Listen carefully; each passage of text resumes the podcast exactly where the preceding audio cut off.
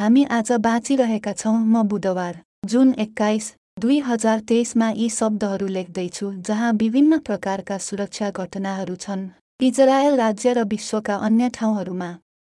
जब एक व्यक्तिलाई आक्रमण गरिन्छ यस्तो घटनामा हामी जान्दछौँ त्यहाँ दुई सम्भावित प्रतिक्रियाहरू छन्।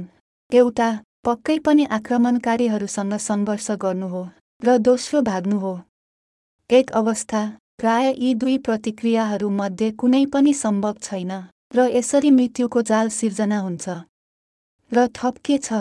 धेरै अपाङ्गता भएका व्यक्तिहरूको लागि शारीरिक अपाङ्गताले अशक्तताबाट पीडित व्यक्तिलाई आत्मरक्षाको लागि बन्दुक समात्न अनुमति दिँदैन। यस्तो अवस्थामा प्रयोग गर्न सक्छ। र यस्तो सुरक्षात्मक उपाय यदि र जब यो विकसित भएको छ भने।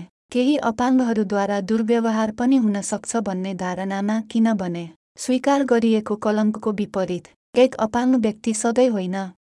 गरिब वा असल व्यक्ति अपाङ्गता भएका व्यक्तिहरूले त्यस्ता सुरक्षात्मक उपायहरू र कुन शर्तहरू प्राप्त गर्न वा प्रयोग गर्न पाउनेछन् भन्ने मापदण्ड स्थापना गर्ने बारे पनि सोच्नुपर्छ।